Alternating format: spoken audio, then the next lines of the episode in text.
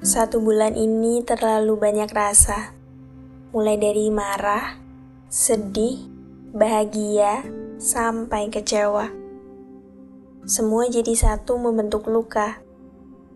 Rasanya ingin kabur ke bulan, berharap semua masalah yang ada di bumi terbakar habis di atmosfer tanpa sisa.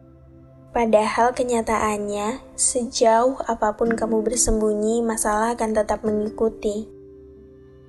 Bagaikan sampah di selokan, kalau tidak segera dibersihkan, sampah-sampah lain akan ikut menumpuk.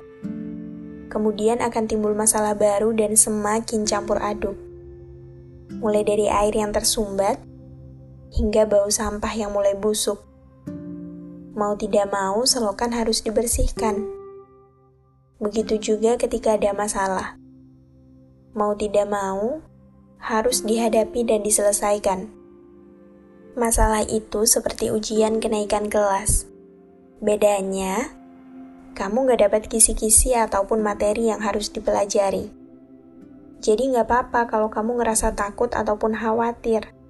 Ambil nafas sebentar, nanti kalau udah tenang, hadapi masalah dengan hati yang lebih lapang. Yang penting, kamu mau menghadapinya.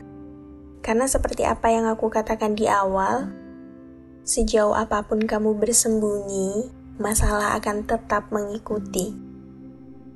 Kalau kamu udah berhasil menyelesaikan masalah, rasanya satu beban yang ada di pundak terhempas ke angkasa. Lega. Kemudian bulan dan barisan bintang tersenyum melihat keberanian yang kamu punya. Rasanya seperti punya kekuatan baru dan lebih siap menghadapi dunia yang semu. Karena masalah akan terus datang selama kamu masih bernafas. Aku harap kamu tidak lagi merasa cemas, karena sesungguhnya kamu lebih berani dari yang kamu pikirkan, dan kamu lebih kuat dari yang kamu bayangkan.